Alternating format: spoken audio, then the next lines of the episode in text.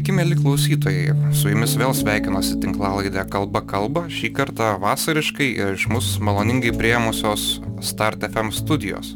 Ir šį kartą kalbamės su ne tik jaunojų rašytojų, bet ir Lietuvių literatūros ir tautosakos instituto doktorantu Saulimi Vasiliausku, kuris rašo disertaciją apie jaunuosius rašytojus sovietmečio literatūros laukia ir institucinių darinių vaidmenį.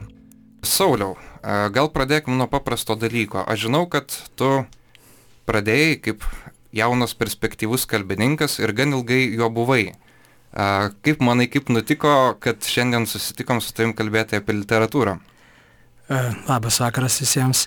Na, tu mane nustebinai, sakydamas ja, jaunas ir perspektyvus kalbininkas, nes aš tokiu nei kada buvau, nei jaučiausi, tiesiog taip susiklostė, kad reikėjo ieškotis darbo ir tuometinė e, bakalauro metais dėstytoja Lanta Zabarskaitė užsiminė apie galimybę įsidarbinti Lietuvų kalbos institute, kurią aš ir pamandžiau pasinaudoti ir ten prabuvau ketverius metus ir iš dalies dėl to rašiau magistrą iš kalbotyros, iš Leonido Donskio publicistikos, bet, bet paskui grįžau prie to, kas man atrodo ir artimiau, tai yra prie, prie literatūros tyrimų.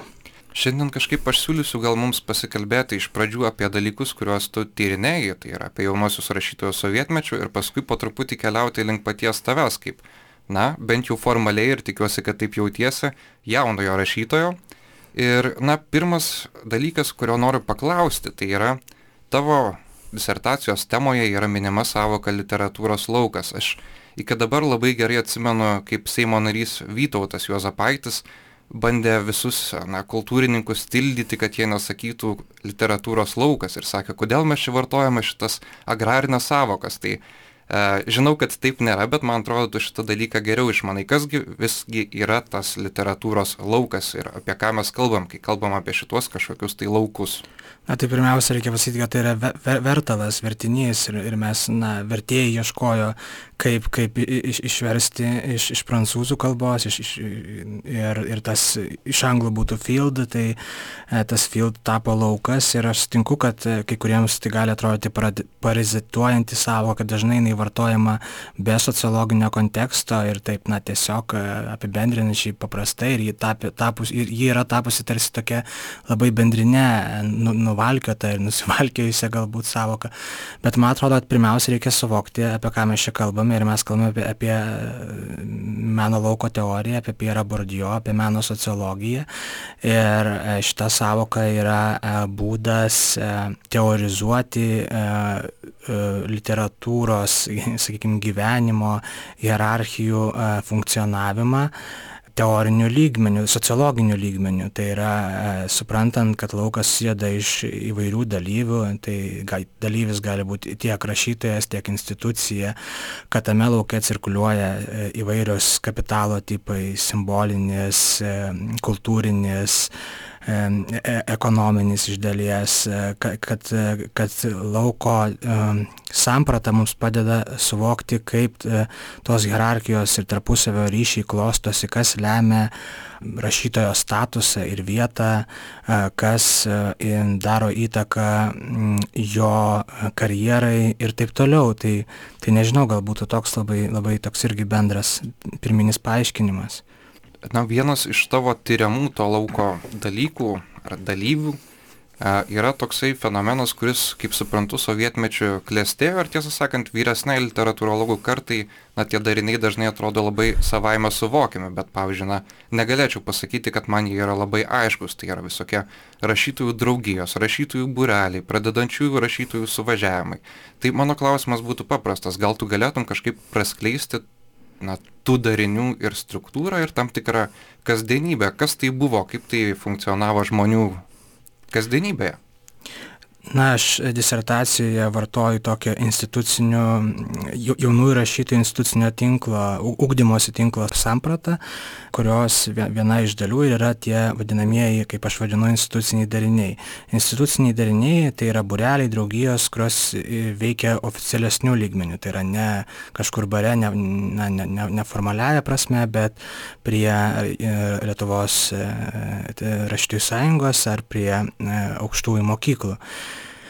Tai um, gal čia reikėtų truputėlį pradėti nuo to, kaip jie apskritai atsirado, trumpai paminint. Tai yra, kad na, sovietmečio pradžioje, na, gal, gal čia tą pradžią šitam pokalbį turėkim galvoje jau pokario pradžią, tai maždaug imkim nuo kokių 44-45, kai susikūrė tie dariniai, kurie, kurie iš esmės egzistavo uh, visų sovietmečių. Tai, tai aš čia pirmiausia turiu omeny jaunų rašytojų sekciją. Tos sekcijos, uh, sekcija viena vertus nebuvo kažkas unikalaus, nes tokių darinių tai yra draugijų, kurias teiktų na, oficiali raštų sąjungos struktūra, buvo ir kitose tarybų sąjungos valstybėse, tai e, skiriasi gal daugiau jų pavadinimai, iš dalies šiek tiek struktūra, bet iš esmės tai buvo, na, pirminis jų tikslas buvo suburti naują rašytojų kartą, kabutėse naują rašytojų armiją, lojalią partiją ir, ir visuomenę E, perteikiančią jau na, ideologizuotas literatūrinės žin, žinutės. Ne? Aš gal dar įsiterpsiu, mm. paklausiu, o tos struktūros jos buvo grinai sovietmečio, naujas fenomenas, ar buvo, pavyzdžiui, kokia nors bent formali tasa nuo tarpukario ar karo metais buvusių draugijų, ar tai buvo naujai įsteigti dariniai? Tai tos e, tarpukario, sakykime, draugijos kaip Šatrijos draugija ar, ar panašios, jos kaip ir buvo išnaikintos ar, ar, ar sunykusios savaime, tai e, tokios kažkokios natūralios tasos kaip ir išvelgti, na, neišeitų, nebent kalbėtume apie universiteto burelį, nes, nes jis tarsi išliko, tik tai jis tapo labiau, aišku, sovietizuotas.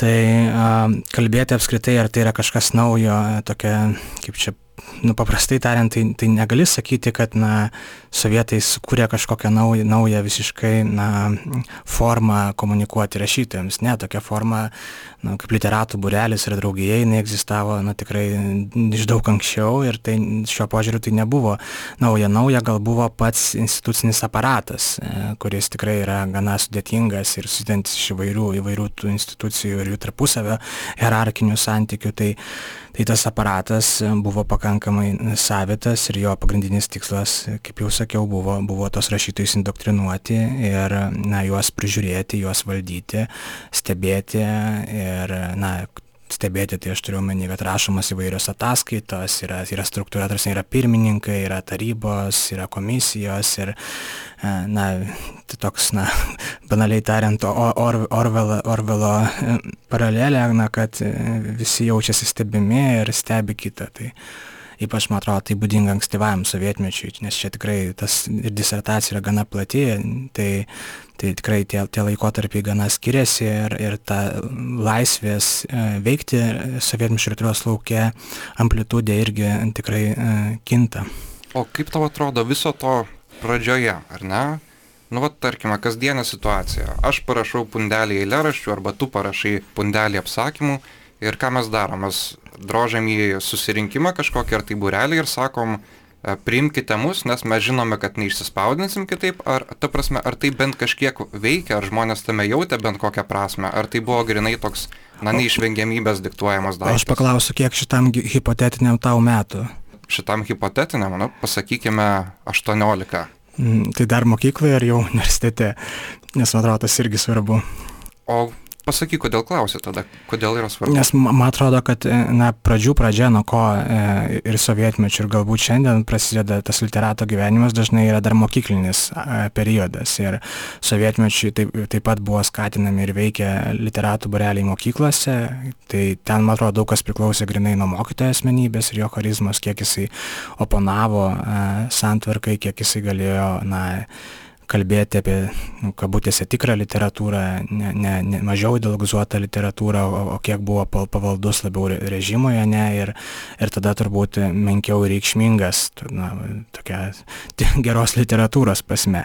Tai po, po to kitas dalykas, kad vykdavo respublikiniai e, jaunųjų filologų konkursai, kurie, kurie tebe vyksta. Jie, man atrodo, prasidėjo nuo 60 kažkilintų, dabar tiksliai nepasakysiu, ne, ne, neturiu čia užsirašęs, tai, tai jie buvo irgi labai svarbus toks būdas, kaip kažkur prasimušti, tai mokytė pamato tavo tekstus, sako, o davai sudalyvau konkurse, e, tu su tais tekstais važiuoji kažkur į rajoninę, tada į respublikinę, kažką laimi ir ten, tarkim, sėdi, na priklauso aš nuo laikotarpio, bet tarkim, sėdi Elena Bukelienė, prieina prie tavęs, kaip ne, ne kartą yra nutikus, nes jinai buvo tokia kvietėja, telkėja ir sako, o žiūrėk, ten Virgi Gasiliūnai ar ten Danutė Kalinauskaitė, čia jūs taip gerai rašot, jums reikia stoti Vilniaus universitetą, filologiją partiją ir, ir jūs tapsit rašytoja, na, kad jūs turit potencialą. Ir man atrodo, kad iš tų pokalbių, kurių dariau nemažai ir iš susirašinėjimų, kad tas buvo gana svarbu, tai yra paskata ir stimulas, kuris kyla ne tik iš paties tavęs, bet ir iš aplinkos. Kad man atrodo, kad me, tas rašytojas, kaip toks jis dažnai, mes dažnai linkę jį romantizuoti, kalbėti, kad štai gimė talentas ir genijus, bet, bet tas aplinkos poveikis yra didžiulis. Ir, ir kai rašytojai kalba apie savo praeitį, gal kartais truputėlį romantizuoja tą, na, kad aš jau vat, buvau susivokęs autorius ir žinau, kuo būsi, jaučiau ten, nežinau, kažką iš Dievo turys ir panašiai. Tai, tai man atrodo, nesakau, kad to, to visai negali būti, bet nu, tai turėtų kelti ir tam tikrą šypseną, na, jeigu mes žiūrime kritiškiau. O pats, na, ideologinis šitų sambūrių ir, ir burelių vaidmuo, ar ne, jis turbūt e, laiko tekmė, jisgi nebuvo visiškai vienodai svarbus e, ir, ir kaip jisai veikia. Aš taip įsivaizduoju, kad turbūt tą na, šiokio tokio cenzoriaus ar prižiūrėtojo vaidmenį, aišku, atliko pirmininkas, ar aš klystu. E, ir tu ateini ir tenai kažkaip bandai prasimušti. Tai vienas klausimas būtų, ar tas ideologinis vaidmuo keitėsi, gal jis vėliau nebebuvo toks svarbus, nes aš taip įsivaizduoju, kad na, net, pavyzdžiui, cenzūra su kiekvieno naujų partijos pirmininku, jinai šiek tiek atlaisvėdavo. Taip. Tikrai taip, aš manau, kad e, čia pirmiausia gal reiktų pažymėti, kad pats ateimas į tą, į, tą burelį buvo susijęs ne tik su šita pirmininko pozicija, bet ir apskritai su jau jame iki tol nusistovėjusi hierarchija. Tai yra tu ateini ir yra, sakykime, trys kokie, na nu, jeigu tai universiteto burelis trečia kursiai, kurie jau prasimušė gana, kurie turi statusą ir jie jau tame burelėje sako, kai tu perskaitai, debituoja, ne, nes šiaip dažnai sakydavo, kad buvo baisu debituoti, baisu, kaip tave įvertins, kur tave pastatys, ne, tu lauki jų nuomonės. Ir, ir aišku, kad ankstyvoji sovietmečių tos ideologijos tok, tokiame vertinimo procese, procese buvo gerokai daugiau ir, ir man atrodo, kad čia irgi svarbu atskirti autorius, kurie a, buvo labiau jau tokie, na, kolaborantai, pavadinkime gal, jeigu toks žodis ne per aštrus, ar, ar, ar, ar na, nomenklatūriniai autoriai, ar labiau ėję į tą literatūrą ne tiek dėl to, kad jie gabus kažką originalaus sukurti, arba, arba na, sakykime, turintys kažkokius vidutinius labai gebėjimus, bet dėl to, kad norintys turėti šiltesnę poziciją ir, ir tą poziciją, aišku, reikėjo pelnyti tada jau kažkaip rodant lojalumo gestus. Ir štai tas lojalumo gestas galėjo būti, kad sukritikuoji tą debutantą, būtent pažymėdamas jo kažkokį, na, ant antiideologišką tekstų turinį, kaž, kažkokius įvaizdžius, kurie netitinka e, sovietinės tikrovės, kabutėse. Tai pirmininkas, aišku, irgi buvo svarbus ir pirmininko laikysena irgi, na, jisai toks koordinatorius, toks steigėjas, bet kita vertus tai irgi priklausydavo nuo pirmininko ir nuo laikotarpio, tarkim, ten jau visiškai vėlyvoju sovietmečiu, tai tie pirmininkai buvo visiškai laisvi, kaip, kaip Rastauskas, Navakas ar kiti ir jie tiesiog daugiau tai buvo bohema, negu tai yra kontrastas nuo to visiško oficialumo ankstyvoju sovietmečiu iki, iki tokio visiškos bohemos e, susitikimo, tai, tarsi protokolai, net net protokolai, jeigu va, žiūrėti iš archyvų, jie rašyti vos ne pas, pasimėgavimu su pajokavimu, kad ten jisai užsirūkė ten, žodžiu, aš pastebėjau jo cigaretę, nu, žodžiu, tai yra jau, man atrodo, jie, nu, taip, ne, ne, kaip čia, šaipėsi ir iš pačios tos protokolavimo sistemos, kuri buvo būtina. Ir, o dėl pačios ideologijos, tai aišku, tai buvo dar komjaunimas, buvo CK, tai, tai tos institucijos taip pat stebėjo šitos burelius, kaip ir KGB, ir, ir tarkim, jų kažkokių, jų man atrodo, jiems rūpėjo, kiek šitos institucijos gali eiti prieš sistemą, nu, kad, nebūtų pavojus, ne, jeigu e, jau prasideda, tarkim, susirikimai Elenos Bukelienės būte, kas yra neformalu ir mažiau sukontroliuojama, tada jau kyla įtarimas, gal reikia tai užraukti, nes neaišku, kur tai nuves. Tai va toks stebėjimas, kad tie bureliai netaptų kažkokia, nu, paradoksaliai antisisteminė institucija, man atrodo, jisai veikia, tik tais gal jis nebuvo toks nu, super sukontroliuotas kokio gal sistema norėjo. Ir man atrodo, kad čia ir vien, vien, vienas tokių esminių dalykų, kad sistema, gal, tik, jeigu taip galima sakyti, sistema tarsi siekia tos rašytus kontroliuoti, bet tarsi, e, kaip ir iki galo neįvertino, kad, kad nuo kiekvieno iš jų charakterio labai priklauso, e, kiek jie priims tas tiesas ir kiek jie suras būdų, ne kaip joms oponuoti, gal, gal iš dalies ir nusilenkiant ten, kur reikia, nu, parašant tą formalų protokolą, ataskait ar panašiai, bet, bet vis dėlto toliau po to protokolo ar, ar galų gale po susitikimo, nes viena galbūt kas, kas ten vyksta toj sekcijai, tas oficialus susitikimas, bet po jo dažnai buvo irgi nueinama į kavinę ar, ar į kažkokią į lauką, tiesiog neformalesnę erdvę, kur aptariami dalykai. Tai man atrodo, tas irgi svarbu ir, ir, ir taip toliau. Bet gal aš čia pridursiu, kad ta ideologinė pusė nėra mano taip tobulai ištirnėta dar, e, nes, nes pirmiausia, e, reikia paminėti, kad iki manęs kaip ir nebuvo apskritai tyrimų šito, šitų institucijų. Man atrodo, kad egzistavo net tam tikras skepsis, kad štai viskas vyko neformalio, už, už uždarų durų, neformaliuose erdvėse, žinai, o, o šitos institucinės buvo grinai ideologinės, ten ateidavom formaliai ir nieko jums mus nedavė. Tai man atrodo, kad mano disertacija parodo, kad tikrai na, nebuvo taip. Arba vieniems gal buvo labiau, kitiems mažiau, vieni buvo mažiau institucinėje ne, ir ten ateidavo tik, kad sudėtų varnelę, kad galėtų apskritai dalyvauti literatūros laukia ir, ir, ir, ir spausintis, o, o kiti vis dėlto veikia gana aktyviai. Ir, ir, nežinau, perėjo daug, daug, tas pats Adolfas Prindis, jeigu imtume iš ankstyvojo sovietmečio, jis, jis tiesiog nuo burelio auklėtinio tampa jo pirmininku, tada jau nurašytų sekcijos pirmininku, tai yra perina daug hierarchinių lygmenų ir jisai kaip, kaip tam tikra figūra yra reikšminga, na, jis įrodo tam tikrą pavyzdį, ne kažkokią poziciją. Tai, tai nereiškia, kad jinai gera ar bloga, bet jis ją rodo ir jis, jis tampa tam tikrų lėmėjų. Arba Marcelijus Martinaitis irgi e, nuo Kauno Politechnikos instituto burelio iki, iki vis aukštyn aukštyn, iki literatūros ratų tokio jau autoriteto vedlio. Tai man atrodo, mes kartais pamirštam reflektuoti tą visą šitų, šitų vat, personalijų raidą. Tai yra, kad, jie, na, kad Marcelijus neatsirado iš karto kaip burelio vadovas, kad jis ir pats tose bureliuose buvo ir tai turbūt darė įtaką jo vadovavimo būdui, stiliui ir, ir taip toliau. Tuomet tada paskutinis tau klausimas, ko gero, apie ideologiją, nes, žiūrėk, pas mus taip tarsi įprastai priimta sakyti, kad didiesiams rašytojams net ir sovietmečių buvo leidžiama daugiau, ar ne, mes visada skaitome jų tekstus ir bandome, nežinia kiek pagrįstai, bet nuolatos bandome rasti kažkokius nukrypimus nuo ideologijos, e, kurie tarsi juos šiek tiek pateisintų ar, ar, ar panašiai. E, tai mano klausimas būtų toks, nes e, kaip tau atrodo, ar tie, kurie buvo talentingesni, ar jie patirdavo kažkokį didesnį ideologinį spaudimą, ar jie visgi, na, taip tam tikra prasme jau būdavo pasidavę ir tada jie turėjo mažiau priežiūros. Kaip to apskritai to, tokia vat tezė, kuri jau, na taip tarsi savaime suprantama, man atrodo, mūsų bendram pokalbių laukia. Man atrodo, kad sudėtingas klausimas vien dėl to, kad vėlgi grįžtame prie to, kad sovietmetis labai nevienalytis.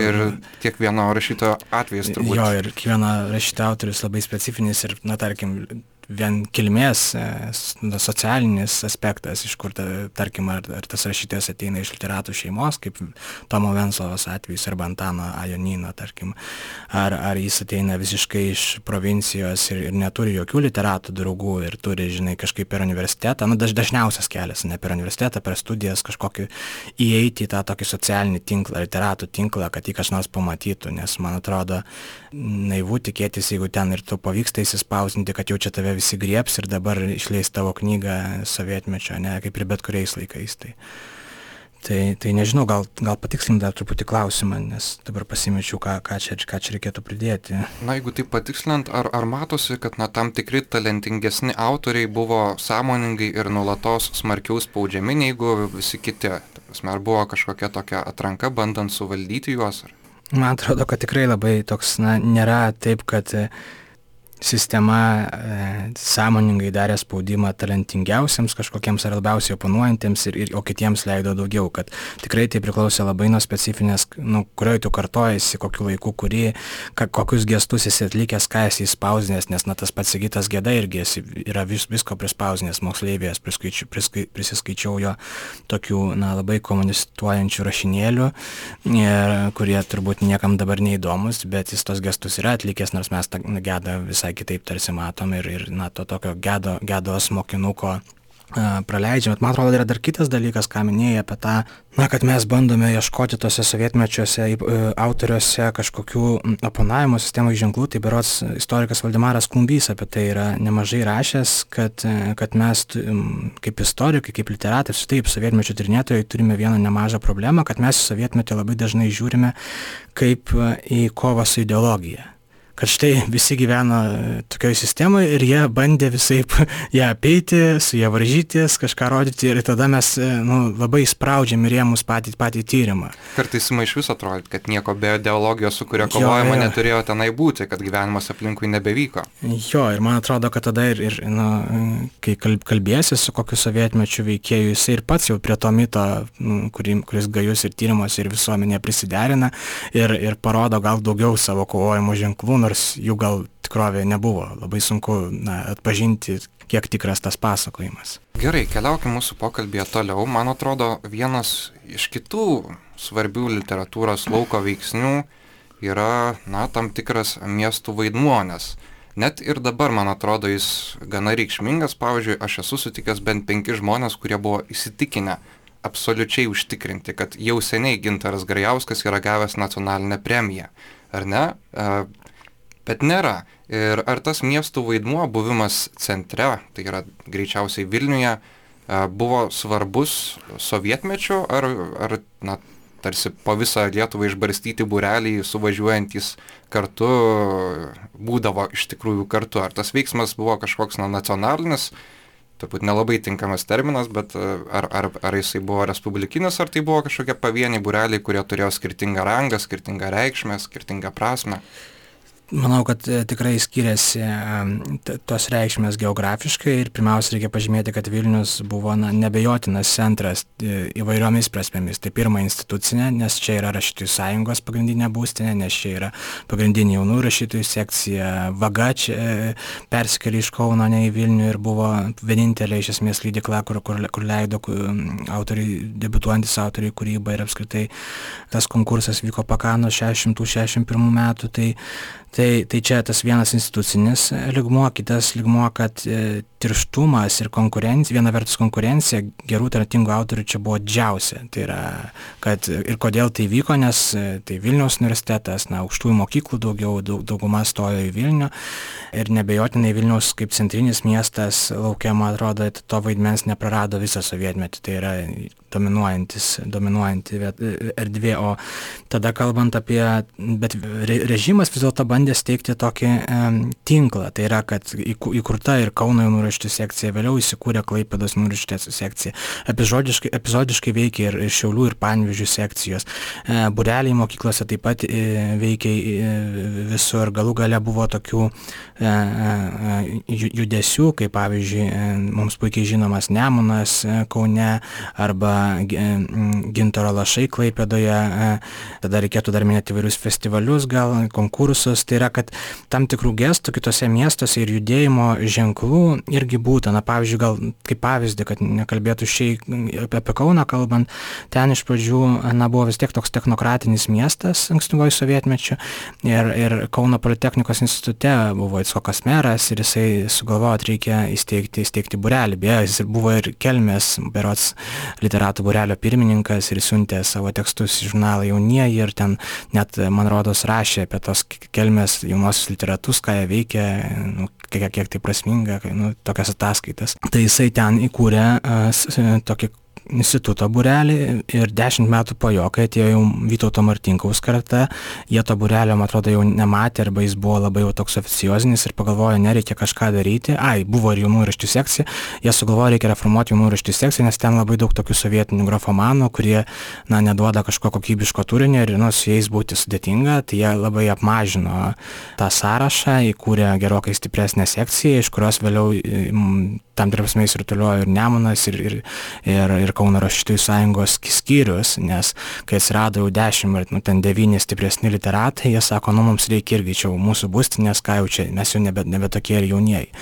Tai man atrodo, kad čia va toks labai, labai taip paskuvom prabėgant laiku parodimas, kad štai iš jaunų iniciatyvos ilgainiui nas formuoja gerokai na, didesnės institucijos, kurios jau irgi keičia šiek tiek uh, to miesto vaidmenį laukia, įsigauna šiek tiek daugiau galios, galų gale vėliau ir Patacko karta, tai Patackas beje beje, pavyzdžiui, buvo labai ilgai laikomas jaunųjų sekcijoje. Man atrodo, tik ketvirtą knygą išleidęs, e, praleistas toliau. Tai čia, na, vienas iš tokių ideologinių aspektų, kad tos toje sekcijoje buvo talentingesni ir mažiau konformistiškesni ar kažkokias, e, na, sakykime, sovietiškai netinkama, įdinga, kabutėse, praeitį turintys autoriai konservuojami. Tai yra, jų, jų nepraleisdavo tapti raštų sąjungos nariais. O jeigu tu nesi raštų sąjungos nariu, tau daug sudėtingiau spausintis, leisti knygas ir taip toliau. Tai rašytojų sąjungos narystė buvo ta sunkiai pasiekima svajonė, kuri iš esmės atidarydavo daugelį durų. Taip, taip. E, nu, tai nereiškia, kad kiekvienas ten naktį atsibūdęs, oi kaip aš noriu tapti rašytojų sąjungos nariu, bet taip formaliaja prasme taip, nes nu, jaunų rašytojų sekcijos narys jau turėjo irgi tam tikrų privilegijų. Na, tak, tarkim, net geriausiu atveju galėjo kandidatuoti ir į būtą, į eilę būtui, bet pagrindinės privilegijos vis dėlto atsiverdavo tapus jau to oficialiuoju rašytojų sąjungos nariu. Gerai, pats neseniai išleidai pirmąją knygą, apie tai dar pakalbėsim vėliau, bet aš kažkaip, na, galvodamas gal klaidingai apie tą sovietinę tikrovę, matau, na, kad jinai buvo labai aiškiai instituciškai struktūruota ir dabar tu tarsi turi tekstą ir tu nežinai, ko tau tiksliai imtis. Nu, va, galima galbūt laimėti rašytojų sąjungos konkursą, bet tai nėra vienintelis kelias. Ar sovietmečiu iš esmės buvo sunku išleisti pirmąją knygą, ar buvo kažkokie etapai, kada buvo laisviau prileidžiama, ar tai buvo na, apskritai kažkoks na, iššūkis, ar iš tikrųjų kiekvienas atlikęs tam tikrus dalykus, kurie yra gana aiškus, galėjo tenai patekti. Tai pirmiausia, reikia pasakyti, kad e, tokia pradžių pradžia, dar, dar iki pirmųjų knygų konkurso buvo Almanachas jaunieji, kuris ėjo nuo 48 iki 60 metų ir jo tikslas ir buvo toks priminis tikslas parodyti tą naująją jaunų rašytojų kartą, ateinančią, rašančią apie sovietinę tikrovę arba tiksliau gal apie jos pro, projektą, e, kuris buvo tinkamas e, kaip reprezentacinis režimui. Tai pirmosios knygos konkursas atsirado tik tais kai pradėjo, prasidėjo diskusijos, kad gal tas almanachas jau įsisėmė, kad jisai nebėra įdomus ir iš tikrųjų 57-8 jau tame almanache atsiranda nebe tokių raudonų tekstų, jau po truputį atsiranda tokių tekstų, kuriuos net ir šiandienos skaitytojas galėtų pavadinti prasmingesniais, turinčiais kažkokį ne tik ideologinį krūvį. Iki tol beveik jų nebuvo. Įskyrus gal e, Lankausko tolimajame plaukime, pagal kurį, man atrodo, pirmas e, lietuviškas filmas buvo pastatytas sovietmečiu ankstyvoju. Tai, tai, tai jisai gal įsiskyrė, nes tai buvo nuotikio dvasia, nuotikio toks tiesiog vaikai sugalvoja iš, išplaukti, žodžiu, į tokį ilgą pasiplaukimą berots link jūros. E, tai, mm, tai toks tekstas visai netinka, e, ne, neatspindi e, socrealizmo lūkesčių, na, nekalba apie jokį ten herojų traktoristą ar, ar kažkokius kol, kolukiečius ar dar kažką, o kalba nu, apie savitikslį veiksmą. Savitikslis teism, veiksmas ideologija yra na, ne, negalimas, įdingas, nu, negali daryti kažko dėl nieko, nu, dėl, dėl nuotikio, ne, nu, tai nelabai ne, ne kvailys gal tu, ne, nu, taip labai grubiai juokaujant. Tai, tai tas pirmosios knygos konkursas atsirado, kai na, pasiūlė tokį konkursą daryti vagos leidyklai. 60 metais buvo pradžia, 61 išėjo pir, pirmasis pundelis, kurį rašytojai praminė gana greitai brolių kapais, nes leisdavo po 5-6 knygas, atrodo daugiausiai yra 7 ir vienais metais gal, gal jeigu neklysiu, 69 dėl įvairių priežasčių, ten dėl kažkokių ginčių, aš tų priežasčių dar nesu tiksliai savo suradęs, neišleido ne vienos berots, tai vieni metai buvo tokie praskipinti, praleisti. Tai e, tas konkursas irgi turėjo savo hierarchiją, tai yra buvo na, redaktoriai, kurie pražiūrėdavo, kurie peržiūrėdavo tą tokį pirminį didžiulį pluoštą rankraščių, kuris iš dalies buvo surinkamas ir per tas sekcijas, nes sekcijose irgi buvo svarstomi rankraščiai, siūlomi, na, raginamas autorius, o žiūrėk, tu gal jau pribrendai, gal tu net nešk rankraštį rankraštį apsvarstysim sekcijai, tada siūlysim leidyklai, jeigu viskas ok. Ten, aišku, irgi įvairiais laikotarpiais šiek tiek skiriasi. Ka, e, buvo tokia, tarkim, komisija darbui su jaunaisiais rašytojais, kurios vaidmuo irgi svarbus, bet skiriasi pats, na, tas to konkurso funkcionavimas. Tai aš esu daręs pokalbį su Janina Riškute, kuris sąja, kad jinai būdavo tokia kaip pirminė skaitytoja, kurie atrenka iš pluošto rankraščių tuos, kurią, kurią duoda komisijai. Kas man atrodo, aš nežinau, nu man kaip, kaip tokiam jaunam žmogui, aš nežinau gerai tos sistemos, irgi yra svarbu Nes kažkas atmeta grafomanus nuo grafomanų, bet gal tarptų, e, na, įsivaizduojamų grafomanų irgi buvo gerų autorių, ne, tai yra toks priminis prasiojimas. O tada jau dirba komisija, yra tokie, kaip dabar sakytume, išoriniai recenzentai, e, kurie įvertina tos rankraščius ir diskutuoja, kurie iš kurios iš autorių praleisti, kurios ne. Tai be abejo lėmė daug kas, lėmė ne tik tekstų kokybė, bet ir laikysena. Kai kurie autoriai buvo, na, laukdavo savo eilės kelis metus ar net keletą, o kiti žiūrėk ten per 2-3 ir jau, jau prieidavo. Tai kiekvieno atvejs labai unikalus.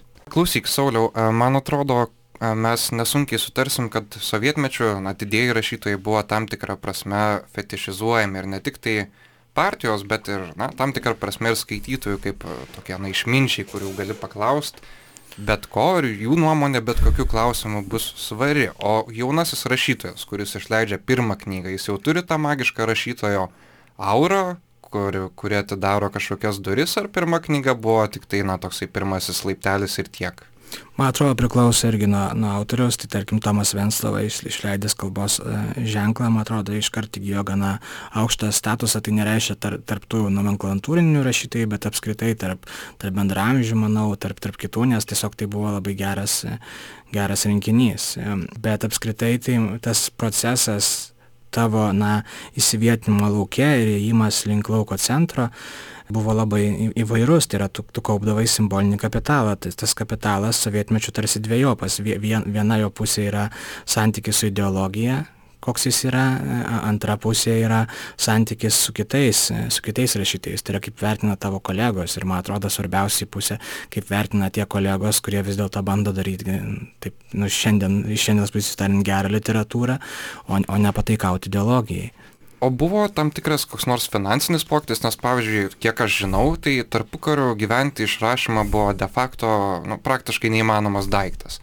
Ar iš tų jaunųjų rašytojų, va, burelių ar netgi debitavusių autorių, na kažkas iš tikrųjų gyveno iš, iš, iš rašymo, ar visgi buvo ta, ta, tas toks ėjimas dirbti į fabriką, nes esi rašytojas ir, ir trūksta pinigų, ar, ar ta struktūra suteikia kažkokį būdą, gyventi iš, iš va, šito rašymo tai suteikia tikrai e, daug geresnį būdą negu šiandien, nes, na, honorarai būdavo gana solidus, ypač jeigu tu įsispausdinai jau prestižiname to meto ir, nu, ir šiandien turbūt iš dalies pergalės dabar metų žurnale, kur honorarai tikrai buvo daug didesni negu dabar. Jeigu tu važiuodavai į renginius, tau apmokė, apmokėdavo galų gal net dažnai kelionės į kažkokius respublikinius jaunų rašytojų suvažiavimus, į važiavimą į Maskvą, nes Maskvoje irgi vykdavo tokia jau iš kitų sovietų, soviet, sovietų mm, tarybų suvažiuodavo jaunimas, tai įskaitant ir iš Lietuvos atrinkdavo kelis autorius ir jau irgi tau, tau kaip komandiruotė apmokėdavo, gaudavo į pinigų, tai kalbant apie tokias finansinės privilegijas, tai man atrodo, jų buvo nemažai, nors tarkim, vat, kalbant su Kauno kai kuriais autoriais, jie sakė, kad tie jaunieji kartais buvo kaip atsarginiai, tai yra, tarkim, reikia įsiųsti kokį renginį ar net į kokį, sakykime, kolūkį kolektyvą, nu, autorių kolektyvą, kurie pris, paskaitys kūrybos ir, sakykime, net važiuoja koks nors, nežinau, Marcinkievičius, nu ir tada, nežinau, ten, nežinau, kajokai ar kažkas tu varyk, nors tu dar jaunas, bet, nu ir tu geras, žinai. Tai praleisdavo tada ir tos jaunesnius, kaip tokius jo e, atsarginius žaidėjus, kurie irgi kaupdavo ir, nu, gaudavo ir honorarus ir, ir, ir to, to pačiu tokias simbolinio kapitalo. O buvo žmonių, kurie, na, ta, tau, pavyzdžiui, tyriant viską ir, ir, ir šniukštinėjant e, visų šitų struktūrų pakampėse, paaiškėjo, kad tie žmonės buvo labai sąmoningai ir kryptingai nustumti į šoną, nors buvo gabus ir talentingi autoriai. Jo, nu, tai man atrodo, kad čia yra du dalykai. Vienas, kad kai kurie buvo ne tai, kad įstumti, bet stumiami ir kažkaip atlaikė, arba galiausiai kaip koks Izokas meras emigravo, na, pasirinko emigranto duoną, ar, ar Saulis Tomas Konradas, ne, ar tas pats Venslava. O, o kiti būtų tie, kurie, kurie nustojo rašyti ir kurie, kurie, tai irgi vienas iš man įdomių, mano disertacijų įdomių aspektų. Ir iš tokių, sakykime, atradau pat savo ne, neringa pranckevičiūtė lūžienė nu, tai yra aš ją atradau sniego gniūžtės vadinamuoju metodu. Tai yra tiesiog kituose pokalbiuose klausinėdamas ar jūs atsimenat kokius talentingus autorius kurie nustojo rašyti. Man paminėjo keli gasiliūnas kalinauskaitė dar kažkas.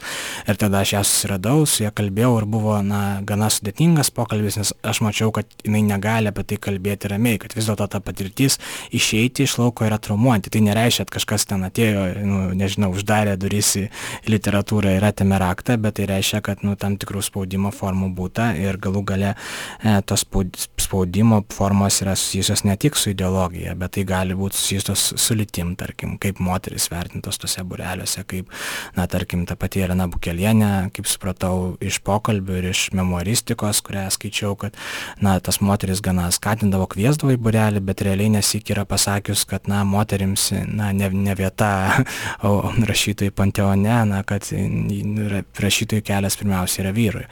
Tai dar iš tokių autorių minėčiau gal mm, Bruno Sangitis, jisai 67 berots išleido pirmąją knygą kryptis, labai tokia keistoka knygelė, labai na, ta metai kitoniška.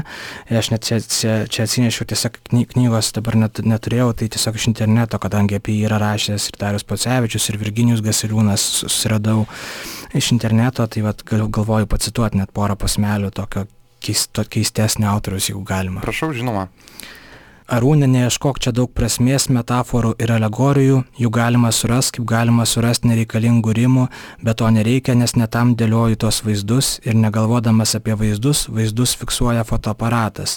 Norėčiau tau parodyti daiktiškumą, tą minėtą jau metalą, kad jis truputį blizgantis ir balkšvas, ir daiktišką judėjimą, kada ranka nuspaudžia rankenėlę ir užveda spiruoklę. Nu, tai čia iš Nemuno 69 metų kaip, kaip toks pavyzdys tiesiog. Ir man atrodo, jeigu vartytum tą 70-mečio kontekstą, tai, tai nu, čia labai trumpas pavyzdys, bet gal, gal dar vienas, dar vienas vat, posmelis iš teksto fanatikai.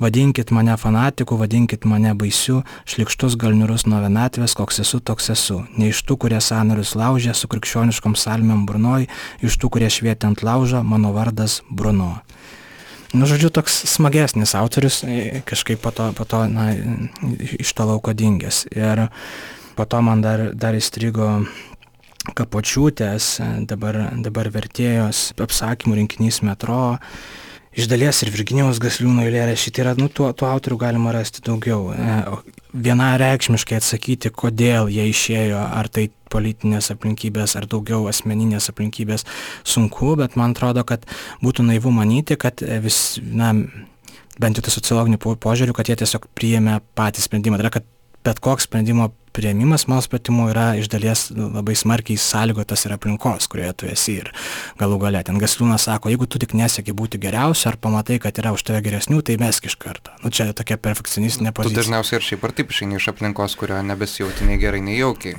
Jo, e, iš tikrųjų toks e, teoretikas, kurio irgi šiek tiek remiausi e, savo darbę, Stevenas Streetgoldas iš e, Australijos, jisai kalba, m, bando tą meno sociologiją, bordio meno, meno lauko modelį truputėlį transformuoti ir įtraukia daugiau psichologijos, įtraukia efekto savoką ir jisai bando sakyti, kad labai daug kultūrinio tokio pojūčio lemia mūsų emocijas. Tai yra kokias emocijas tu patyrei kolektyve ne jaunystėje, kaip, kaip, tos, kaip tu reaguodavai į vieną ar kitą vertinimą, veiksmą, kažkokį, nežinau, aktą ir, ir, ir, ir tos tavo reakcijos persikelia į suaugusio gyvenimą, tu ateini į tą neburelį ar kažkokią bendryją ar kažkokią instituciją ir vėlgi reaguoji vienaip į vieną dalyką, kitaip į kitą ir per tas emocijas, na, kažkaip įsivietinį arba išeini šiek tiek pasakoji, kad na, kalbinai žmonės ir darėjai interviu. Visada tai yra problemiška, tarkime, net kaip tik prieš keletą dienų pasirodė vieno literato nekrologas, kurio darbovietis buvo gražiai išvardintos, išskyrus tarpą tarp 74 ir beros 90 metų. Tai jo neįvardinsim, bet net šiandien spaudoje yra tiesiog praleista, kad jis visus tuos metus dirbo ir CK ir, ir visur kitur. Ir yra tas, na, nuolatinis turbūt ir natūralus noras nutilėti negražius dalykus, ar, ar kalbindama žmonės apie visus šituos burelius susidūrė su tuo, taip akivaizdžiai pajusdamas, ar visgi yra sunku atskirti ir užčiuopti, kas yra, kas yra nutylima. Na, viena, viena iš kolegių, skaitydama mano darbą, tarsi pasigėdo, ar, ar jai atrodo, kad būtų prasminga, kad aš čia vos nesuvešiau sąskaitas ir par, pa, parašyčiau, kas priklausė saugumui, kas nepriklausė, kas ten lojalesnis buvo, kas nelojalesnis. Tai tokios užduoties, kaip užduoties, savo darbę aš nekėliau. Tai nereiškia, man tai neįdomu, bet pirmiausia, tai labai problemiška, nežinau, kokia būtų iš to nauda, jeigu aš nusumėčiau, tas priklausė, tas nepriklausė, nu vis tiek savaime tai ne, nėra, man atrodo, labai prasminga. E, jo labiau šiandienos diskusija, kai mes taip na, labai e, tokia juoda balta e, opoz, opozicija vadovaujamės ir na, nematome, kad ir vieni darė kažko, ir kiti, ir kad na, nėra tokio totalaus e, visiškai raudono sovietinio gal personažo ir visiškai tokio, nu, tarsi yra įvairių, įvairių um, tiesiog variacijų.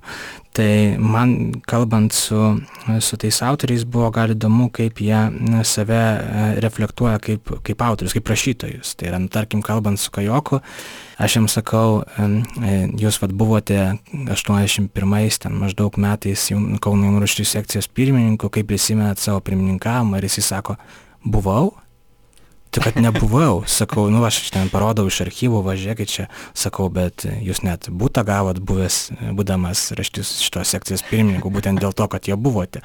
Ai, ir po to jis sako, oi Sauliau, nu gerai, kad tu čia priminėjai, bet tikrai buvau, nu jo darėm, buvo, nu renginius organizavom, jo, jo, rašiau protokolus, geras, nu gerai, tu čia priminėjai, ir jis kelis kart pokalbio metu, gerą, kaip tu čia priminėjai, žinai, va. arba ten, tarkim, santykis su pirmaisiais redaktoriais, ten irgi tas ta paties Kajoko atveju, tu, tu jam sakai, mm, va, skalbėjau su Algymantu Mikuta ir skaičiau va, iš archyvų, kad jisai jūs konsultavo pirmos knygos rengimo etapu. Ir Kajokas sako, tikrai, nu, kad jisai labiau konsultavo, kai aš dar buvau toks pradinukas, nu, toks mokinukas, aš jam nešiau ten tos tekstus, va, vieną ar du kartus, bet, e, bet, nu, žinai, po to aš jau, kai leidau pirmą knygą, aš jau manau, aš jau buvau susivokęs toks rašytojas. Ir tada, va, irgi pradės vestyti, kur, kur jau kajokas, kuria save kaip tokį, nu, va, talentą labai ankstyvų, ankstyvų periodų susivokusi, nu, kiek ten to mykotos indėlio buvo, kiek nebuvo, na, tikrų turbūt tai nėra, tu negali vienareikšmiškai atsakyti tos klausimus, bet man atrodo, jos, jos reflektuoti yra svarbu. O šiaip dabar paskutinis klausimas, ko gero apie sovietmetį. Uh, vis tiek tu krapštai daugybę keistų burelių protokolų ir, ir, ir panašių dalykų. Ar buvo kas nors va tokio tau pačiam įspūdingo, ką tu, ką tu radai, kas buvo ar, ar juokinga, ar nesuvokiama, ar nesąmoninga, ar kas tave nustebino? nežinau na čia čia čia daug gal galima visokių visokių detalių bet dabar galvoju kai tu sakai kažkokio tokio vieno išrinkti čia buvau gal kažką pasižymėjęs jeigu leisi sekundę tuoj pasi pasižiūrėsiu.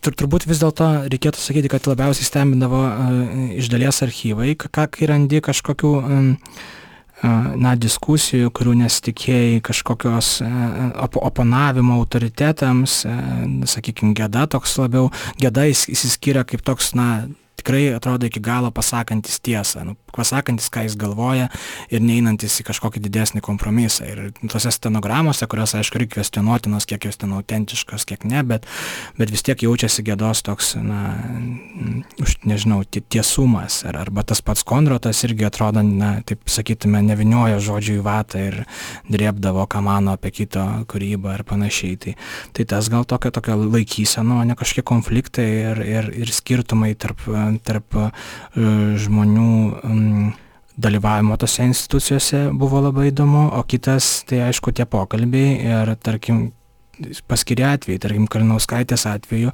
aš nežinau, kad e, jos mokytoja vertino jos kūrybą neigiamai. Tai reiškia, sakydavo, kad tu čia, kaip, kaip Tanutė sakė, per daug e, tirštai rašai, per daug žodžių, perteklius, brauk, čia reikia, nu, vos ne du trečdalius nubraukti, tada liks atgreučiai, kurie yra tekstas ir Danutė sakė, kad jinai labai buvo na, dėl to išgyveno ir mane, kad čia iš jos jokia rašytoja negali, negali būti. Ir e, kitas žmogus, toks lemtingas žmogus, buvo jos brolis, Jonas Kranauskas, kuris tuo metu buvo poetas. Tai čia dviem aspektais jisai svarbus. Vienas, kad e, Danutė savo, kad tie poetai iš jo pasakojimų atrodė tokie susireikšminę ir tokie, žinai, ieškantis savęs kiekvienos knygos rodiklėje savo pavardės, kad jai tai sukėlė tam tikrą šleikštą ir jinai pagalvojo, kad aš nenoriu dalyvauti poetų konkurencijos kovose, ne, man tai neįdomu, man tai išlikštų, kažkaip, nu, tolima.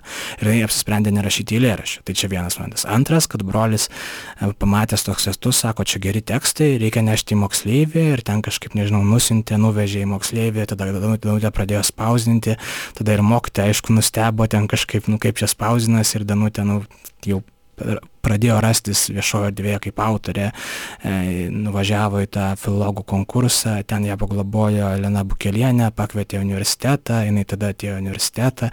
Tas metu tu va taip kalbėdamas, rinkdamas tos faktus, matai, matai krypti, trajektoriją, kuri, ėjimą taps, rašytojo tapsmą, tu matai rašytojo tapsmą, kas man atrodo yra labai įdomu, nes, na, kartais mes, na, to, taip matome jau galutinę tą, na, figūrą va, ir tada galvojame, aha, ten koks nors gėda, tai jis jau gimė gėda, o ten koks nors kitas buvo ten labai vidutiniokas. Tai, tai man atrodo, kad, nu, taip mes labai netenkame spalvų iš to viso sovietmečio pasakojimo ir viską sudedame tokius labai aiškius stalčiukus ir, nu, bent jau man tai atrodo taip kažkaip neteisingai ir net nuobodoka.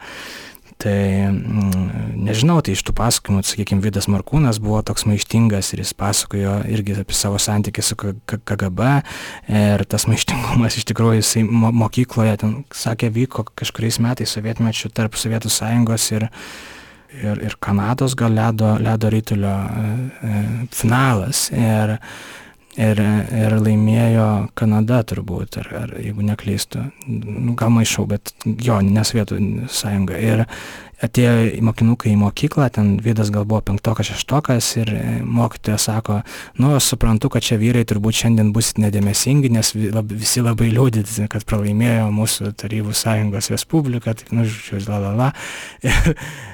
Ir, ir Vydas kažkaip atsistojo ir ten pasakė, kad neliūdį, žodžiu, aš neatsimenu, kad, tipo, e, kad, kad ar mokyta paklausė, ar yra kas neliūdį ir kažką ir jisai, aš.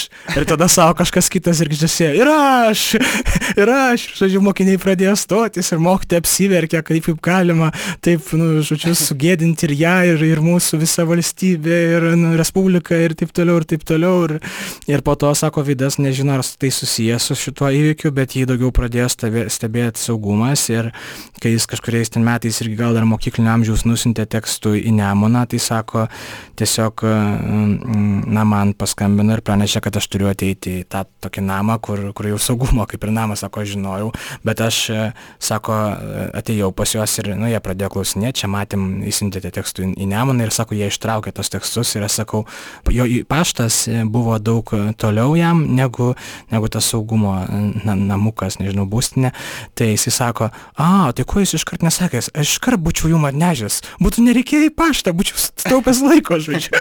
tai, tai man atrodo, tas irgi autentiškos tokios istorijos, e, tam atskleidžiančios laikysenas žmonių irgi labai, labai įdomios ir e, iš tikrųjų preferencijos, ten, na, tam pačiam Markūnui nebuvo labai svarbu dalyvauti kažkokios institucijos, tiesiog mąstė, rašė ir ne, ne, nebuvo toks labiau antiinstitucinė figūra, o koks nors, tarkim, Arvidas Valionis, e, toks poetas vertėjas, labai sureikšmino ryšius su Latvijais, kaip jie bendravo, kaip keitėsi, važinėjo vieni pas kitus, leido tas bendrus tokius almanachus ir taip toliau. Tai, tai prasme, man atrodo, kad labai nuo žmogaus charakterio irgi priklauso, kaip jisai elgsis vienam ar kitam laikė ir kokias preferencijas aukštins.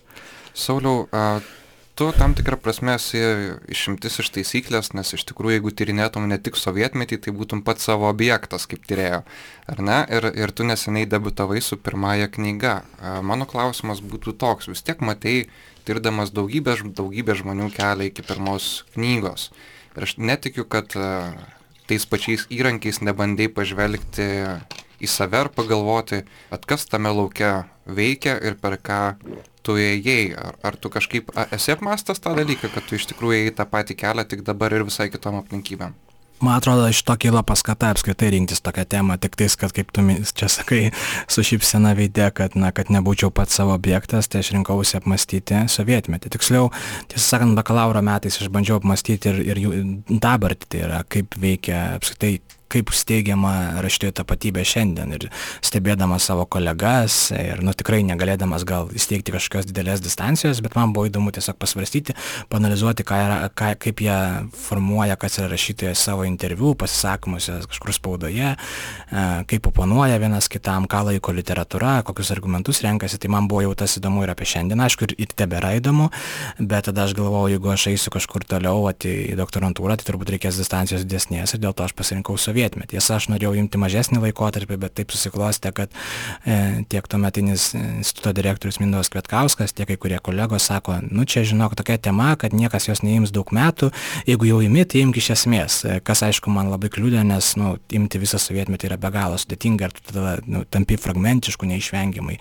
Kažkur susikoncentruoji, kažką pameti, nu, nes medžiagos viena vertus atrodo yra ne tiek daug, kita vertus ją susirinkti, e, kai nėra bendro pasakojimo apie tas institucijas, tu tiesiog žinai, kad jos buvo.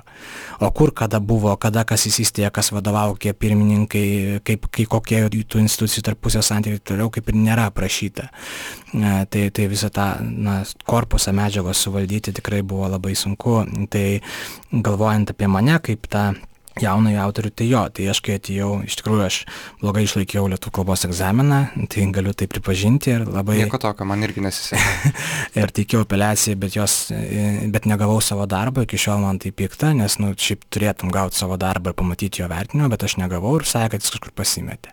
Dėl to aš labai, nu, turėjau daug vietos manyti, kad čia kažkas korumpuota ir, nu, neteisingai vertino, nes aš to darbo taip ir negavau. Na, ir, ir įstojau neįstojau VAU, nepakako balą, įstojau tuometinį pedagoginį ir kažkaip iš pradžių labai nuliūdau, kad čia gal bus nu, blogai, nes na, visuomeniai to pedagoginio statusas buvo tikrai neprestižinis, bet kažkaip draugų, kai kurių paskatintas, nutariau pabandyti tiesiog. Ir iš tikrųjų man patiko, kas man patiko, tai aplinka, kad iš tikrųjų pedagoginis, gal, gal dėl to iš tikrųjų, kad jisai ant jo taip varomas, kad pati dėstytojų kompanija labai pozityviai žiūri į studento saviraišką tai reiškia, mes įkūrėm jaunųjų draugiją kartu su Antanu Šimkumi, kuris buvo jau baigęs universitetą, kad mes pradėjom leisti, nu irgi atkūrėm tokį laikraštį žasmė. Beje, ir sovietmečių labai daug atkūrimų. Tai yra kažkas sukuria šai burelį, kita karta jau kuria, va, Izuoko mero pavyzdžiui, dar kažko, dar kažko. Tai to tokio testinumo ir inercijos struktūrinės institucijos yra gana daug.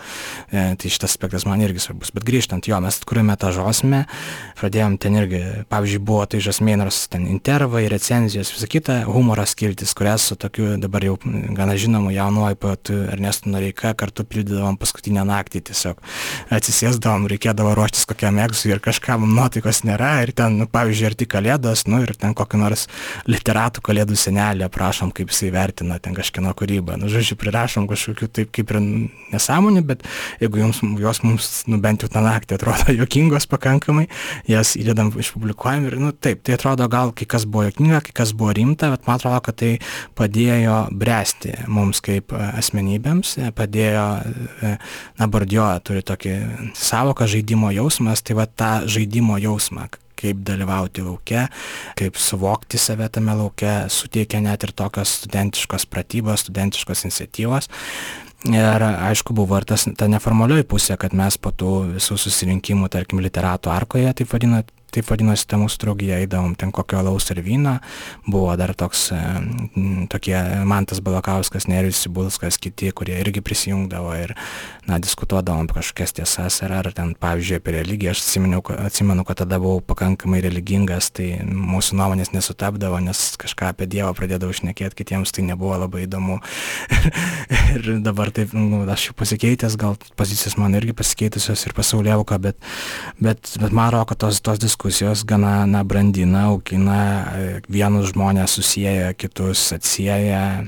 Jo, nu čia būtų galima labai daug kalbėti. O Sauliau, kaip tu pats tvarkaisi su, na, turbūt problema, kurią turi gal ne vienas rašytojas, tą pačią turi turbūt Virginija Cibarauskė, tai yra, na, tos, toks nuolatinis užklimpimas, ar ne, kai tu kaip literatūrologas tarsi negali iki galo atsiriboti nuo to lauko, kuris tau yra artimas ir pažįstamas, o kita vertus tu paėmė, bent jau aš kiek esu bandęs rašyti, man ištinka ta pati problema, aš parašau du sakinius pasižiūriu juos e, kaip kritikas, man pasirodo nepakeliama šita būtis ir aš juos ištrinu.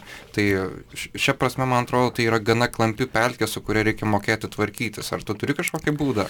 E, man kažkaip atrodo, nežinau, ar esu teisus, kad yra lengviau rašyti ir kritiką, ir, ir, ir grožinį literatūrą tada, kai pradėjai nuo rašymo. Nes jeigu tu pradėjai nuo kritikos, man atrodo, kad tada sunkiau, nes tada vat, būtent gali būti kaip tu pasakoji, kaip tau yra, ne kad tu kažką rašai ir iš kartas tavo vidinis kritikas ją, tą, tą rašymą atmeta. Bet jeigu tu pradėjai nuo rašymo, o ten rašai lėrašys, siuntėjai, jau publikavaisi, jau skai, dalyvai skaitimuose, man atrodo, tada yra truputį kitaip, nes nors tu jau ir tampi ir kritiku, bet tu dar jau turi tą tokį pojūtį ir buvimo rašytojų. Ir man atrodo, tas pojūtis čia yra labai svarbus, nes jis toks kaip varikliukas, kuris leidžia tau nesustoti ir, ir kuris blokuoja truputį ir užtildo kartais tą vidinį kritiką ir leidžia tau, tau na, dalyvauti tokiam mažiau suvaržytam, mažiau autocenzuruotam rašymo akte.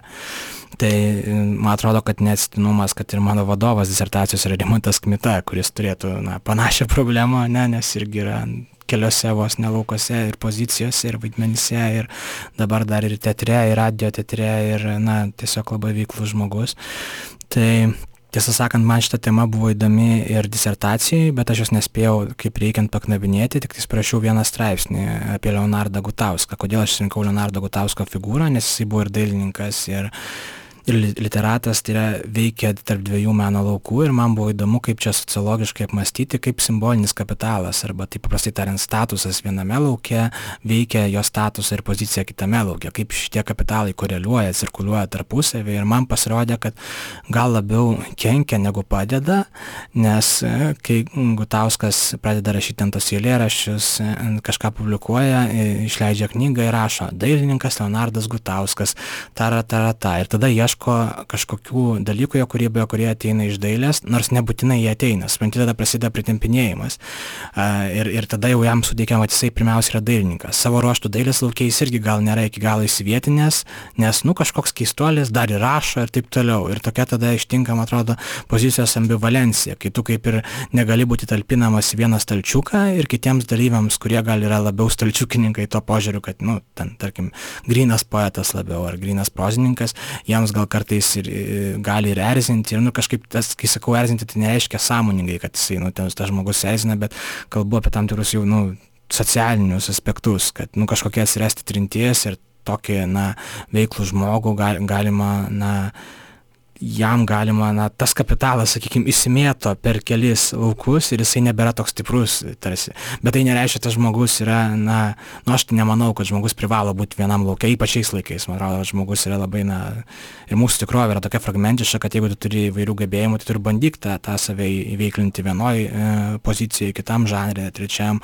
E, tai nereiškia, kad tu turi blaškytis, bet tai reiškia, tu gali būti, na, keliose, keliose pozicijose ir tai ne, e, niekaip neturėtų įtakoti tos tų pozicijų kokybės. Ir tai čia, man atrodo, ir susiduriu su tam tikru spaudimu, kad tas veiklumas kartais tau kenkia, nes, aha, tu išleidai knygą, sako, ai, tai tu čia jau visus aptarnavai, sukūrėjai filmukus, apkalbinai, dabar tu jau gali išleisti savo knygą. Nu, maždaug atidavai savo duoklę, dabar tave raštų sąjunga išleido, nors ten yra konkursai šiaip. Tai, nu, žodžiu, tai susilaukiu vairių replikų, jos, aišku, kartais erzina, kartais kelia šypsnį, kartais ir liūdina, e, bet, nu, taip, tai Turbūt paskutinis klausimas, Sauliau. Tyrinėjai daug rašytojų būrių, rašytojų kompanijų ir panašiai.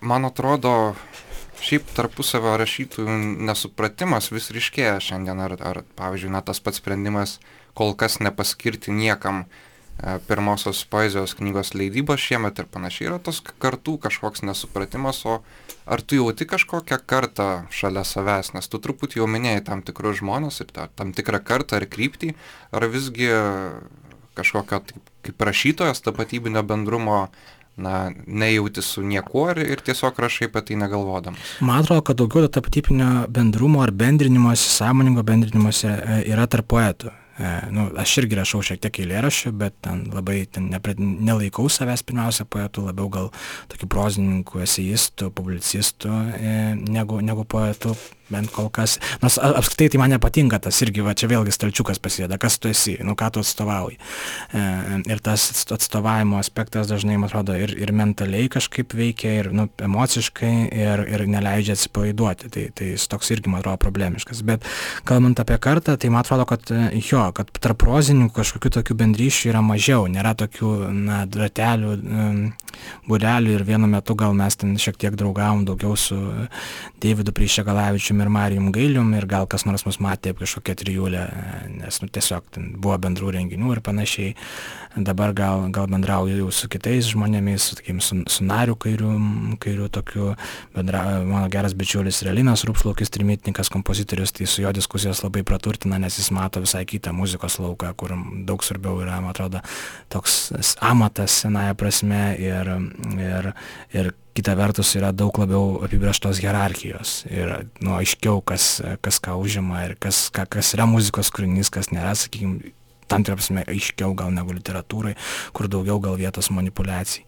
Tai nežinau, taip atsakyti sudėtinga, man atrodo, kaž, kažkokia kažka, karta atsiranda, kai yra tam tikrie nebendrumai, e, kurie, kurie jungia kažkokią žmonių grupę ir tie bendrumai lemia jų, nežinau, mąstymą, savirefleksiją, elgsenas.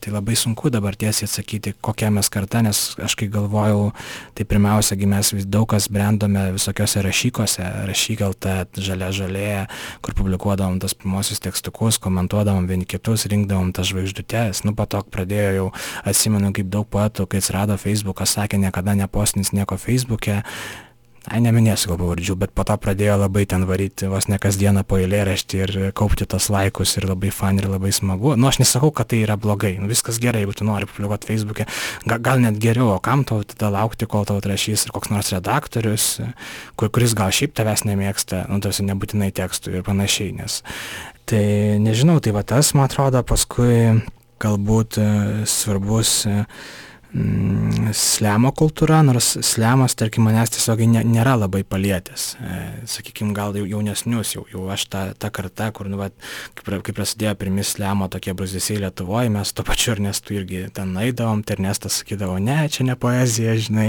čia šūdas, bet, bet kai reikėjo laus, nes už paslemavimą gaudavo jie laus e, kuponėlį biksose, tai jisai ten paslemavo, e, man atrodo, latvių kalbą išmokti eilėraštį paskaitai tai, ir gavom, atrodo, talų. Tai, tai žodžiu, smagu, man kažkaip kartais netilkiuosi tokio gyvybės. Ir jo, čia gal va, tas dar apie laikysenas, kad kai tu klausi, ar nesunku suderinti, na tai akademiniam laukia tarsi tokia yra, tarsi, na, žmogus turėtų būti toks labiau susikaupęs, kažkoks rimtesnis, mažiau išdaigininkas, o literatas gal gali sauliaisti ir daugiau bokalų išgerti ir ten ant stalo padainuoti ar kažką. Tai aš nežinau, aš norėčiau irgi, kad na, nebūtų tokių ribų čia griežtų brėžiama ir kad na, tas mokslininkas, man atrodo, neprivalo būti labai toks jau susivaržęs ir jis irgi gali būti, man atrodo, labai šio, šiuolaikiškas. Nežinau, man imponuoja, tarkim, Aurimo Švedo laikysena iš dalies, ar, nu, nežinau, gal iš dalies ir Kristopo Saboliaus. Tai prasme, kad yra laikysenų žmonių, kurio, dėstytojų, akademikų, kurios neįsipaišo gal tokį tradiciškesnį modelį. Ir man atrodo, kad kai iš vakarų ypač pamatai mokslininkų, kurie tikrai turi puikų humoro jausmą, kurie atvažiuoja konferencijas ir, na, moka subtiliai ir gerai pajokauti vaikų ir vietą ir tada žiūri į tą, na, kartais į mūsų patį lauką, kai mes tokie paniūrė, pikti, visko, visko įskaitant save, savimi nusivylę ir nu, kažkaip pasidaro truputį liūdna ir yra noras net kažkaip provokuoti tą lauką, bet kol tu neapsigini disertacijos, tai tada tu jautiesi tokioje na, negalios pozicijoje ir tu turi na, kažkaip būti, rodyti, vad kaip sovietmečiu, aišku, čia jokauju, bet, bet nu, tam tikrą prasme jo turi rodyti e, daugiau lojalumo gestus, tai yra atitikti visus reikalavimus, reglamentus, išlaikyti visus egzaminus, ne, ir, ir būti toks, koks labiau parankus sistemai, čia, nes čia būtų galima daug kalbėti apie tą, tarkim, akademinį rašymą, kaip jis suvokiamas Lietuvoje, kokio, kokios kalbos reikia, kaip, kiek mes daug investuojame tam tikrą savokų vartoseną ir kartais, na, tų savokų yra per daug, negu jų reikia, arba nubandom būti mandresni gal negu esam iš tikrųjų ir, ir, ir pasakom mažiau dėl to mandrumo, negu galėtume gal pasakyti ir taip toliau. Tai yra irgi visokių niuansų, e, kalbant apie tam tikrą inerciją, kuri kuri gal eina iš mūsų komplekso. Nu, nesinori sakyti, kad labai daug kas tūlam Lietuvėje atsiranda iš kompleksų, bet, bet jo, tokių kompleksų, kurie, kurie kažkaip nu, lemia mūsų, mūsų laikysenas, elgsenas tiek akademiniuose, tiek literatūros vandenyse. Ačiū tau labai Sauliau už pokalbį. Ačiū tau, man tai. Ačiū ir jums, mėly klausytojai. Susitiksime ir dar kartą susitiksime ten pat, kur visada. thank you